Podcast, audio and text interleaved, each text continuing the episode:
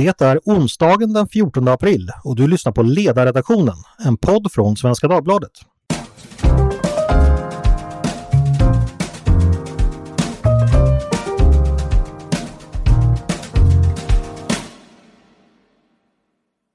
Varmt välkomna ska ni vara. Jag heter Andreas Eriksson. Idag ska vi prata Tyskland och tysk politik. Tyskland är ju ett grannland som vi har historiskt mycket gemensamt med och landet är Sveriges viktigaste handelspartner.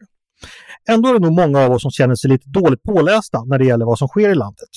Den tyska inrikespolitiken bevakas ofta ganska styrmodigt i svenska medier, kan i alla fall jag tycka, jämfört med exempelvis amerikansk eller brittisk. För att försöka råda i alla fall lite bot på detta har jag med mig två gäster som kan Tyskland väl och för att reda ut läget i tysk politik just nu. För det är väldigt, nämligen så att det händer en del intressanta saker där. Jag har med mig Anders Ydstedt som är entreprenör och rådgivare åt svenska företag på den tyska marknaden. Välkommen hit Anders! Tack så mycket! Jag är rådgivare även åt tyska företag på svenska marknaden kan jag säga. Ja, en sorts tolk mellan marknaden. Ja, precis, precis. Samtidigt tycker jag det är bra att vi, att det, det ska inte behövas, borde inte behövas så här egentligen, den typen av tjänster på det samma sätt. Vi borde ha lite mer bättre Tysklands bevakning i Sverige, men det kanske vi kommer in på längre fram. Men det är väldigt bra att vi gör det här idag. Ja, då kanske du skulle, då skulle du tappa uppdragsgivare kanske, ifall det vore så. Ja, det, det, det är bara bra om vi har bättre relationer med Tyskland tycker jag. Och så har jag med mig också Thomas Steinfeld som är journalist och författare med bakgrund bland annat på Frankfurter Allgemeine Zeitung och eh, som kulturchef på Süddeutsche Zeitung. Välkommen hit Thomas! Ja, tack! I september är det ju val till förbundsdagen i Tyskland. Eh, Tyskland styrs ju idag av en stor koalition bestående av CDU och SPD under Angela Merkels ledning. Nu är det så att hon ska inte kandidera till kansler igen och hon avgick ju som CDUs ledare redan 2018. Fältet är alltså fritt för en ny kanslerkandidat från höger. Och då är det så att det eh, har uppstått att vi redan vill ha kandidater. Det är dels CDUs ordförande Armin Laschet som är, eh, som är en kandidat, men han har också då fått en medtävlare då, eh, i form av Marcus Söder som är ledare för CDUs systerparti Bayern, CSU. SPDs kanslerkandidat eh, ska vi säga, är ju nuvarande finansminister och vicekansler Olaf Scholz. Två kandidater från systerpartierna CDU CSU alltså. Hur kommer det sig att man inte enat sig för en gemensam kandidat från CDU som det oftast brukar vara? Eh, Thomas? ja, alltså sådana, sådana, ja, sådana situationer har uh, uppstått då och då och det händer alltid när uh, de konservativa, alltså CDU och CSU, var uh, i en period av relativ nedgång. Och med ingen, och um, där det inte fanns någon tydlig stark kandidat. Det var ju fullständigt annorlunda när eh, när Helmut Kohl blev kansler och det blev också annorlunda när Angela Merkel blev kansler eftersom då hade man ganska starka figurer som båda partier kunde ansluta sig bakom. Men det har hänt då och då att um, man inte kunde enas och det hände um, 1980 om jag minns rätt när um, Strauss uh, kandiderade mot Schmidt. Men det hände också 2002 när uh, Stoiber, alltså CSUs uh, Eh, chef i Bayern kandiderade mot Schröder. Alltså så ovanligt är det inte. Den här situationen är dock annorlunda än alla situationer förut. För att um, de konservativa, alltså CDU och CSU, befinner sig i en historiskt svag position. Och de har fått um, en konkurrens som för ja, kanske tio år sedan, ännu för tio år sedan, aldrig någon skulle ha räknat med, nämligen de gröna det är en politisk situation som är alldeles uh, ny kan man säga. Just det. Eh, vi ska återkomma till eh, de, de grönas roll. Eh, vilka chanser tror du Söder har att eh, utmana Laschet i, i, det här, i den här kampen för, för att bli kanslerkandidat, tror du Thomas? Ja, för, för tillfället finns det ju någonting, äh, äger det ju rum någonting som en kamp äh, framför öppen ridå. Det är, eh, där på ena sidan finns Söder, på andra sidan finns Laschet. Laschet har eh, stödet av partiet men om det skulle gå till val så skulle Söder ha eh, stödet av väljarna. Och det öppnar för en ganska komplicerad situation.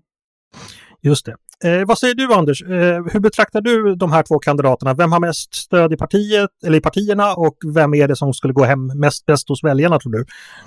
Nej, men det är väl precis som Thomas säger här att eh, Söder har ju ett mycket större folkligt stöd. Om man går ut och frågar tyska folket så ligger han ju högt och han ligger väl på samma nivå som Merkel, och såg jag någon undersökning häromdagen. Medan däremot Laschet får ju katastrofsiffror får man väl säga. Jag såg precis nu en Forsa som dök upp här i, för några timmar sedan. Endast 4% anser att Laschet är ledarstark och dynamisk. Alltså han, har en, han, är, han är inte en folkets kandidat, men han är då partiapparaten inom CDUs kandidat. De har liksom investerat i honom och man har men det, man ska komma ihåg att det här är den andra gången man har investerat i en ny kandidat som inte riktigt har gått igenom. Det var ju bara ett år sedan som när Merkel avgick och, och man hade en process och fick fram det här äh, Annegret Kramp-Karrenbauer som, som partiets kandidat. Och det höll ju inte ens ett år.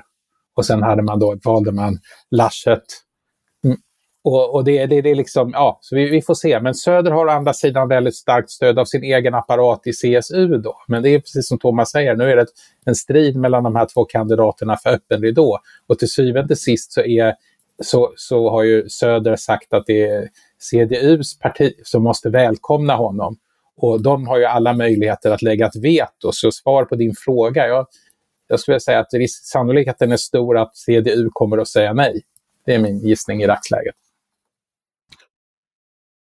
Ja, det tror jag också. Och så, och så, får man inte glömma en sak. Alltså det finns, det finns Angela Merkel och Merkel är ja, över alla partier um, en figur som ingen kan tävla med. Hon är en titan i tysk politik. Och att växa fram i hennes skugga, det är någonting som måste vara otroligt svårt för vilken kandidat som helst. Mm.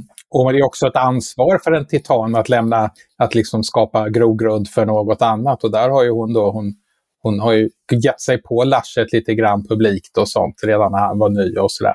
Så att hon hjälper ju inte fram kandidaterna. Vad skulle ni säga är den viktigaste politiska skillnaderna mellan de här två kandidaterna? Eh, Thomas, vad säger du?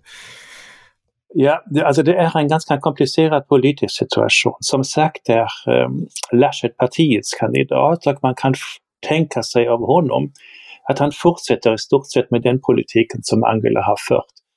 Angela Merkel har fört under 16 år nu, alltså någonting ganska pragmatiskt och eh, ja, i och för sig så socialdemokratiskt som en konservativ parti någonsin kan komma att bli.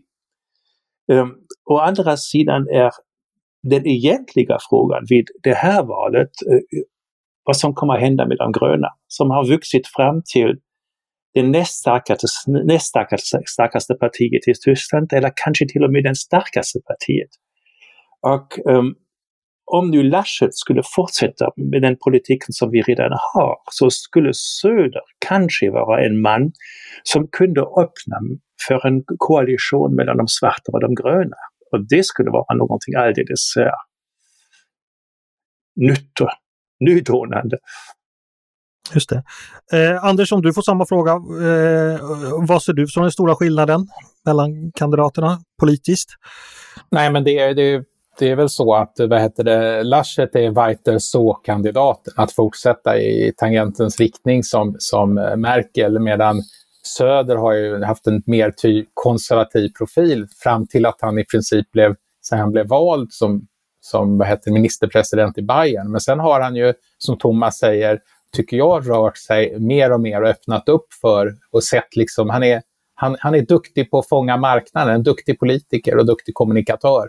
Och han ser liksom att det rör sig, Tyskland rör sig mot det gröna och då tror jag att precis som Thomas att han skulle kunna göra den här grön, grönsvarta koalitionen möjlig på ett annat sätt. Vi ska övergå till att prata lite om de gröna. Eh, Thomas, du skriver idag i Dagens Industri om ett förvandlat politiskt landskap i Tyskland och berättar hur De Grüne då hittade en framgångsrik mittenposition och också, om jag förstår det rätt, en slags modern konservatism. Kan du berätta lite mer om det? Ja, det är, det är någonting förvånande för, alltså när jag, då, då brukar jag berätta det för svenska vänner eller kollegor att de gröna faktiskt har en chans att bli regeringsparti och då är de alldeles häpna eftersom då tänker de på de svenska gröna. Och, eh, det, men det går inte att jämföra de svenska och de tyska gröna. Alltså om man, eh, de gröna har blivit under, ja, kanske de sista, senaste tio åren, det verkliga konservativa partiet i Tyskland. I inte i typ av, i form av företagsvänlig politik eller industripolitik, men framförallt när det gäller den sociala basen av politiken, när det gäller förhållandet till, till omgivningen, till klimatet, till familjen, i, uh, hur man uh, organiserar livet i städerna och på landet och sånt. Där är de verkligen bevarandets parti och som sådan har de vuxit fram. Jämfört med de gröna är eh, CDU CSU nästan någonting, ja, de är pragmatiska, de eh, gör konstiga saker i, nej konstiga saker får jag inte säga, men de är oväntade drag, till exempel att, att, att äh, lämna kärnkraften. Det var en, det, det var en jordbävning i tysk politik. Mm. Men förstår jag det rätt som att du tycker att de gröna har hittat en mer ideologiskt eh, grundad position medan CDU och, CSU, de konservativa, mer har övergått till pragmatism där man inte riktigt eh, vet? Jag, jag, vet inte om man kan tala om ideologi, men de har, eh, de har hittat en socialt stabilare position. Ja. Eh, Anders, hur ser du på de grönas utveckling? Eh, håller du med Thomas att de har gått åt det här hållet och att det är så landskapet har förändrats? Ja, fast inte utan att, att dessutom pröva sig på framåt misstag. De har ju gått till val några, några gånger av och till då kring till exempel höjda skatter och varit mer så att säga mer, ibland mer röda än gröna och varje gång de har gjort det så har de gått på pumpen. De har liksom misslyckats. De, de har liksom haft fantastiska siffror och så har de gått ut och pratat om förmögenhetsskatter och sånt och då har de fått dåliga valresultat. Så jag tror att de successivt har lärt sig in på den, som Thomas säger också här, att, att vara mer konservativa och gröna än att vara, än att vara grönröda. Till skillnad från de svenska gröna skulle jag vilja säga. Och, och särskilt Baden-Württemberg då, så liksom framgångarna där har nog lärt dem att det framgångskonceptet för att driva grön politik är att vara mer grön än röd. Ja, men ibland gör de fortfarande rätt så udda saker. Eh, till exempel för några veckor sedan så föreslog de att eh, avråda folk att uh, köpa villor. Folk skulle inte bo i villor längre utan i uh, stora apartmentkomplex och sådana saker och det var förvånat stort. Men å andra sidan, um, Anders talar ju om Baden-Württemberg. Baden-Württemberg har en grön-svart regering sedan många år tillbaka och där fungerar det utom, utomordentligt bra. Och man måste tänka på Baden-Württemberg uh, den delstaten där uh, Mercedes-Benz är hemma och Porsche och eh, hela landet är, eh, ja, regeras av bilindustrin. Och de gröna har lyckats att komma överens med företagen och deras klientel. Och det är en förvånansvärd utveckling. Dessutom finns det någonting annat som man skulle berätta apropå valet i Baden-Württemberg. Eh, den um, Kretschmann heter ministerpresidenten i Baden-Württemberg. Han hade hela, hela tiden velat fortsätta koalitionen med de svarta. Men partibasen var emot. De skulle eh, hellre ha sett en koalition med socialdemokratin för klimatpolitikens skull. Men till sist så var det Kretschmann som, som var framgångsrik och nu blir det en svartgrön eh, eh, koalition igen i Baden-Württemberg och det betraktas som något slags eh, ja, förutbestämmande också för valet inför det nationella parlamentet. Just det. Får jag fråga dig eh, Thomas bara, en eh, grönsvart eh, koalition på federal nivå, hur ser man på det internt inom det gröna? Är det någonting man välkomnar eller är det kontroversiellt eller är man splittrade kring det? de darrar av förtjusning. Ja, okej. Okay. Precis. Det, det, här rekordvalet i Baden-Württemberg, vad jag har förstått så fick de inte lika många röster som förra gången. Det är liksom, procentandelarna var större, men det är liksom ändå en liten trötthet på oss. Men det gäller väl trött utöver på politiker överhuvudtaget kanske. Men jag skulle vilja lägga till ett perspektiv till på de gröna och det är ju att Merkel har ju drivit en, tycker jag, en ganska grön politik hela tiden och, och, flyttat liksom spelplanen i Tyskland. Hon har lyft deras frågor, legitimerat deras ståndpunkter. Och det har ju de gröna vunnit på, inte CDU. De har inte fått något, något, något, någon vinst av detta. Utan Merkel har liksom gjort det. Och det tittar man tillbaka på Merkels arv, hon gick ju, hon gick ju aldrig med i CDU egentligen. Hon gick ju med i ett sånt här nystartat parti i DDR som hade som målinriktning att de skulle vara gröna och någon slags demokratisk socialism som sen fusionerades med CDU. Så att, eh, så att hon har liksom fullföljt sin linje här och när hon nu eventuellt avslutar sin karriär här i, i höst så har hon lämnat över spelplanen mycket grönare. Och rödare för den delen. Håller du med om det Thomas, att Merkel ja, ja. ligger bakom mycket här? Absolut, som man brukar säga på svenska. Som jag sa inledningsvis så är ju Tyskland en väldigt viktig ekonomisk eh, handelspartner till, till, till Sverige. Skulle ni säga att det betyder någonting för de svenska relationerna med Tyskland, vem det är som vinner eh, eller får, får bilda regering efter valet i höst? Har det, hur, hur ska vi från ett svenskt perspektiv tänka där? Har ni några tankar kring det, Anders? Inte så här spontant kring, jag menar, blir det, blir det en, en grön svart och kanske till och med då med en grön kansler så är det klart att det kommer att vara en jordbävning över hela EU skulle jag säga, liksom, som alla behöver förhålla sig till, inte bara Sverige. Så att eh, det, då är det liksom, det, det, skulle vara något, något väldigt stort skulle jag säga, liksom, för, som alla behöver relatera till och det är väl ett bra skäl för att, att, att följa tysk politik ännu mer noga. Eller bättre än vi gör idag. Vad säger du Thomas? Att vi är dåliga. Ja. Alltså det är ju, uh, det man underskattar från, uh, alltid från svenskt håll tycker jag, är att hur Europavänliga alla stora partier i Tyskland är, förutom AFD. De är verkligen europeiska. Det gäller för CDU, CSU och det gäller för de gröna. Och därför tror jag att det kommer inte att förändras så väldigt mycket uh, i förhållande till Sverige. Alltså Sverige kan fortfarande lita på ganska att eh, det går som förut i Tyskland. Um, I den meningen, alltså AFD spelar, alltså den, de, de tyska högerpopulisterna, de spelar ju en begränsad roll och rollen har faktiskt be, eh, blivit mindre under de sista åren. Och uh, nu har de så stora interna strider att uh, det blir lite osäkert vad man överhuvudtaget kan räkna med. Men um, någon verklig fara för en Europavänlig politik finns inte. Just det. Eh, jag tänkte också passa på att fråga, hur har pandemin och pandemihanteringen påverkat eh, tysk politik? Eh, ja, dels nu under hela pandemin men också på, på senare tid. Eh, för i början var väl Tyskland lite ett exempel på ett land som klarade sig väldigt bra, men den bilden har ju ändrats lite kanske. Eh, har du några tankar om det, Thomas? Ja, vad, vad säger du Anders?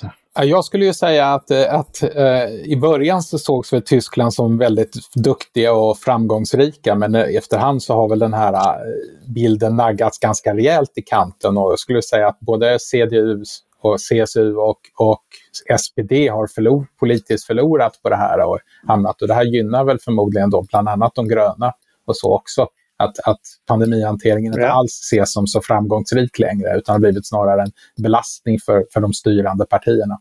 Ja, det är alldeles rätt. Alltså, de, de, de grönas stora, största fördel på nationell nivå är deras relativa oskuld när det gäller eh, regeringspolitik. Men så måste man också tänka på en sak som man ofta glömmer när man, när man ser sakerna från, från, från Sveriges håll. Det är Tyskland är verkligen en federalstat. Och eh, visst finns det Angela Merkel och det finns förbundsrepubliken, men hennes makt är begränsad i förhållande till delstaterna.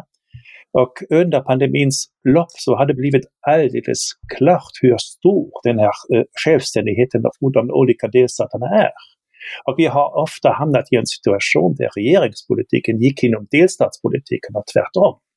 Det har skapat ett ehm, ja, kaos, skulle jag inte säga, men en del eh, förvirring både på delstaternas och på det nationella planet.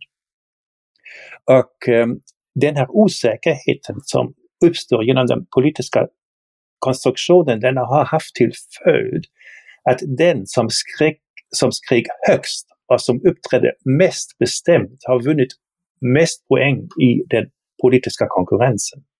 Alltså där hade vi en fördelningskamp som, som, som ja, det finns ingenting som är likt detta i Sverige. Just det. Eh, Anders, vill du hänga på och kommentera där någonting? Nej, men jag, jag, in, jag instämmer. Det, det, det är viktigt överhuvudtaget när det gäller Tysklands kunskap att förstå hur stora skillnaderna är och vilken, så att säga, ändå vilken makt som delstaterna har och vilken, hur maktdelningen fungerar. Och ska man då titta på liksom realpolitiskt, vad betyder till exempel ett maktskifte i, i, i tysk regering? Så, bety, så har man ett förbundsråd som liksom har vetorätt och som saker och ting måste dras igenom. Så man, ska man göra en bedöma tysk politik, man måste göra sådana här diagram och se när är liksom alla majoriteter åt samma håll och hur brett är det fönstret? Sen kommer ett nytt delstatsval och sen kan, kan, kan så att säga makt, maktdelnings eh, förändras och så. Så att det, det, det, det liksom, politiken ut, utgår inte bara från, från kansleramt utan den är, liksom, den är väldigt tydligt delad på ett annat sätt än i Sverige. Och det är egentligen Sverige som är ganska unikt. Eh, jag tänkte också fråga, eh, valet i höst, det är klart, det, är först i september så det är ett tag kvar, men eh, vad kommer det handla om för frågor tror ni? Vad är det som kommer bli viktigt för väljarna och vad är det som kommer kanske avgöra eh, var väljarna lägger sina röster? Vad tänker du Thomas? Ja, alltså om, det, om valet skulle äga rum nu så skulle valet gälla pandemipolitiken fortfarande. Och det hänger ganska mycket på hur snabbt det hela problemet är över. Om tyskarna har blivit någorlunda friska i september så kommer det kanske gälla eh, valet kanske gäller ja, främst industripolitiken och då blir eh, eh bilens framtid viktigt och eh, så blir också immigrationspolitiken viktig igen som var den stora frågan innan pandemin bröt ut. Men man vet inte riktigt alltså hur det förhåller sig med, med, med covid-19. Nej, nej, det är för tidigt att bedöma kanske. Eh, Anders, har du någon spaning där kring vad valkampanjerna kampanjerna kan komma att handla om? Jag, det, det, jag har inte så mycket mer att säga. Jag tycker precis som Thomas där. Jag tror att sådana fria industripolitik och, och sånt kan vara viktigt. Och då är väl liksom faran är väl oavsett vilken regering att det blir mycket sån här äh, politisk inblandning. Mer pro-business än pro-market om man ska liksom titta på det. Mycket att politiken blandar sig i vilka, hur industrin ska agera och vad som gäller och, och, och så. Både energipolitik har vi sett på, och vi ser det på bi, bilpolitiken och sånt, att man kanske ställer om bilmarknaden så att den mer gynnar egentligen import från Kina och sånt och, och den typen. Och det är väl en successiv risk för avindustrialisering som jag ser det, om jag ska vara lite, lite krass och cynisk från åskådarbänken här och så. Men, men det farliga ja, det är väl egentligen dirigistisk politik tror jag. Att det blir mer franskt egentligen. Ja, men alltså det, Anders har helt, eh, helt rätt. Så då, och så kommer det kanske till en sak, men det beror lite grann också hur utvecklingen går under sommaren. Att um, det är uh, det är kanske så att klimatpolitiken blir viktig på ett annat sätt än eh, det har varit tidigare. Alltså, man måste köra genom Tyskland för att se hur det ser ut. Och eh, att eh, stora delar av skogarna är eh, ja, åtminstone halvdöda. Det är man inte van vid i Sverige. Det syns helt enkelt inte. I Tyskland är det synligt. Och, eh, det finns en stor oro som går genom hela befolkningen bara för att, eh, ja, att de brukar gå genom skogarna på söndagarna. Mm. Just det. Eh, ett parti vi inte har pratat om, jag tänkte bara kolla ifall ni har några tankar kring det, det är ju FTP som eh, jag som liberal har ett litet, litet gott hjärta till. Vad finns det att säga om dem, Anders? Vilken roll spelar de i, i, i det här stora spelet? Ja, men de har ju hållit, aktat sig för att vara med då. I, de blev ju söndermalda av Merkel, en av, en av alla de som har råkat illa ut och har med Merkel att göra. Men, eh, och, men partiledaren Lindner har väl mer och mer på senaste åren här, eh, han har ju suttit länge nu, har börjat, vad heter det, närma, ändå pro, ja, jag tycker jag tolkar det som att han inte skulle ha något emot att vara ett finger med i spelet i en regeringsbildning här framöver. Och, och, det vore väl ganska bra tycker jag ju. Vad säger du Thomas? Ja, det, det är alldeles rätt, men, men um, alltså, Liberalerna är återigen en klassisk, eh, klassisk eh, klientelparti. De har sina 5, 6, 7 procent och de håller sig eh, vid den delen och de förlorar inte heller mycket. De som, de som verkligen förlorar är Socialdemokraterna. Mm. Alltså, de tror ju fortfarande att den socialistiska tyska arbetaren är kvar, men den finns inte. Får jag fråga Thomas en sak? Absolut de här Freie Wähler som dök upp i Bayern och, och, och vad heter det, börjar liksom, vad tror du om det som fenomen på längre sikt som ytterligare en utmanare? Nej, nej, nej. Alltså, de, de är en variant av CSU, lokalt förankrat. Det är det, det är federala systemet som tillåter ibland sådana tillskott, men eh, de är en variation av en, av en befintlig politik och ingenting verkligen nytt det sägs ju ofta eh, av många att tysk politik inte bevakas tillräckligt i tillräcklig utsträckning i, i, svenska medier och att vi svenskar kan ämnet för dåligt. Och för mig personligen så stämmer det. Jag tror mig vara hyggligt inläst på politik i Sverige men känner till Tyskland väldigt dåligt. Vad säger ni om det? Håller ni med om den här bilden att vi är för okunniga i Sverige och vad kan det i så fall bero på, tror ni? Ja, men jag, jag håller helt med om detta. Jag tycker det är, tyvärr är det väl ofta så att svenskar läser om Tyskland via anglosaxiska tidningar och då är det liksom söndertolkat på något sätt eller missat liksom en, en nyans av detta. Och detta är, direkt farligt egentligen. Och jag skulle vilja säga, vi hade, jag är ordförande i Svensk Tidskrift och där har vi en krönikör som är en stor fastighetsinvesterare. Han skrev någon krönika här för någon vecka sedan om fastighetsmarknaden i Berlin som har ju blivit helt sönderreglerad och förmodligen kommer att liksom, ja, fastighetsvärden är och de, bland de största investerarna på den här marknaden då är svenska fastigheter, förmodligen svenska pensionssparare skulle jag tro, som då riskerar. Så att förmodligen en resultat att man inte hoppat av den här marknaden i tid för att grund att man inte följer tysk politik direkt och så. Jag tycker ett konkret exempel att vi kanske till och med kommer att få något sämre pensioner en del på grund av att inte man är tillräckligt duktig på att följa tysk politik. Det gäller inte bara tysk politik. Alltså jag är ju mera, mera hemma i humaniora. Men alltså innan någon ny utveckling, utveckling eh, i Tyskland når Sverige så, eh, så får man vänta 10 till 15 år. Och då har vägen gått via USA. Mm. Och eh, alltså i och för sig tycker jag att det, att det är en inte hållbar situation för ett land som Sverige. Hur, hur kan du utveckla det? Det är inte hållbart så tillvida att vi, vi behöver helt enkelt... Eh, ja, det, alltså det, är, det, är, det är förknippat med massiva konkurrensnackdelar. Vad tror du att det beror på då, Thomas? Är det språket som ligger emellan eller är det någonting annat? Är det historien ja. som ligger emellan? Vad, vad kan förklaringen vara? Ja, jag tror, jag har ofta funderat på detta men jag, jag vet inte riktigt. Men jag misstänker att uh, det finns ett missförstånd om modernitet bakom den här orienteringen vid eh, den anglosaxiska världen och framförallt mot USA. Det är, eh, Sverige ska befinna sig där var eh, moderniteten är hemma och folk tror att de hittar moderniteten på andra sidan Atlanten. Och eh, det som är svårt att, att förklara för eh, en svensk publik är att det finns olika vägar till modernitet och det finns kanske också olika former av modernitet. Och de måste man vara, ta, ta tillvara på. Just det. Eh, ja, Anders, vill du hänga på där och säga något? Nej, jag håller med, men jag skulle också säga, jag som är då engagerad mer av näringspolitik och, och marknader och sånt.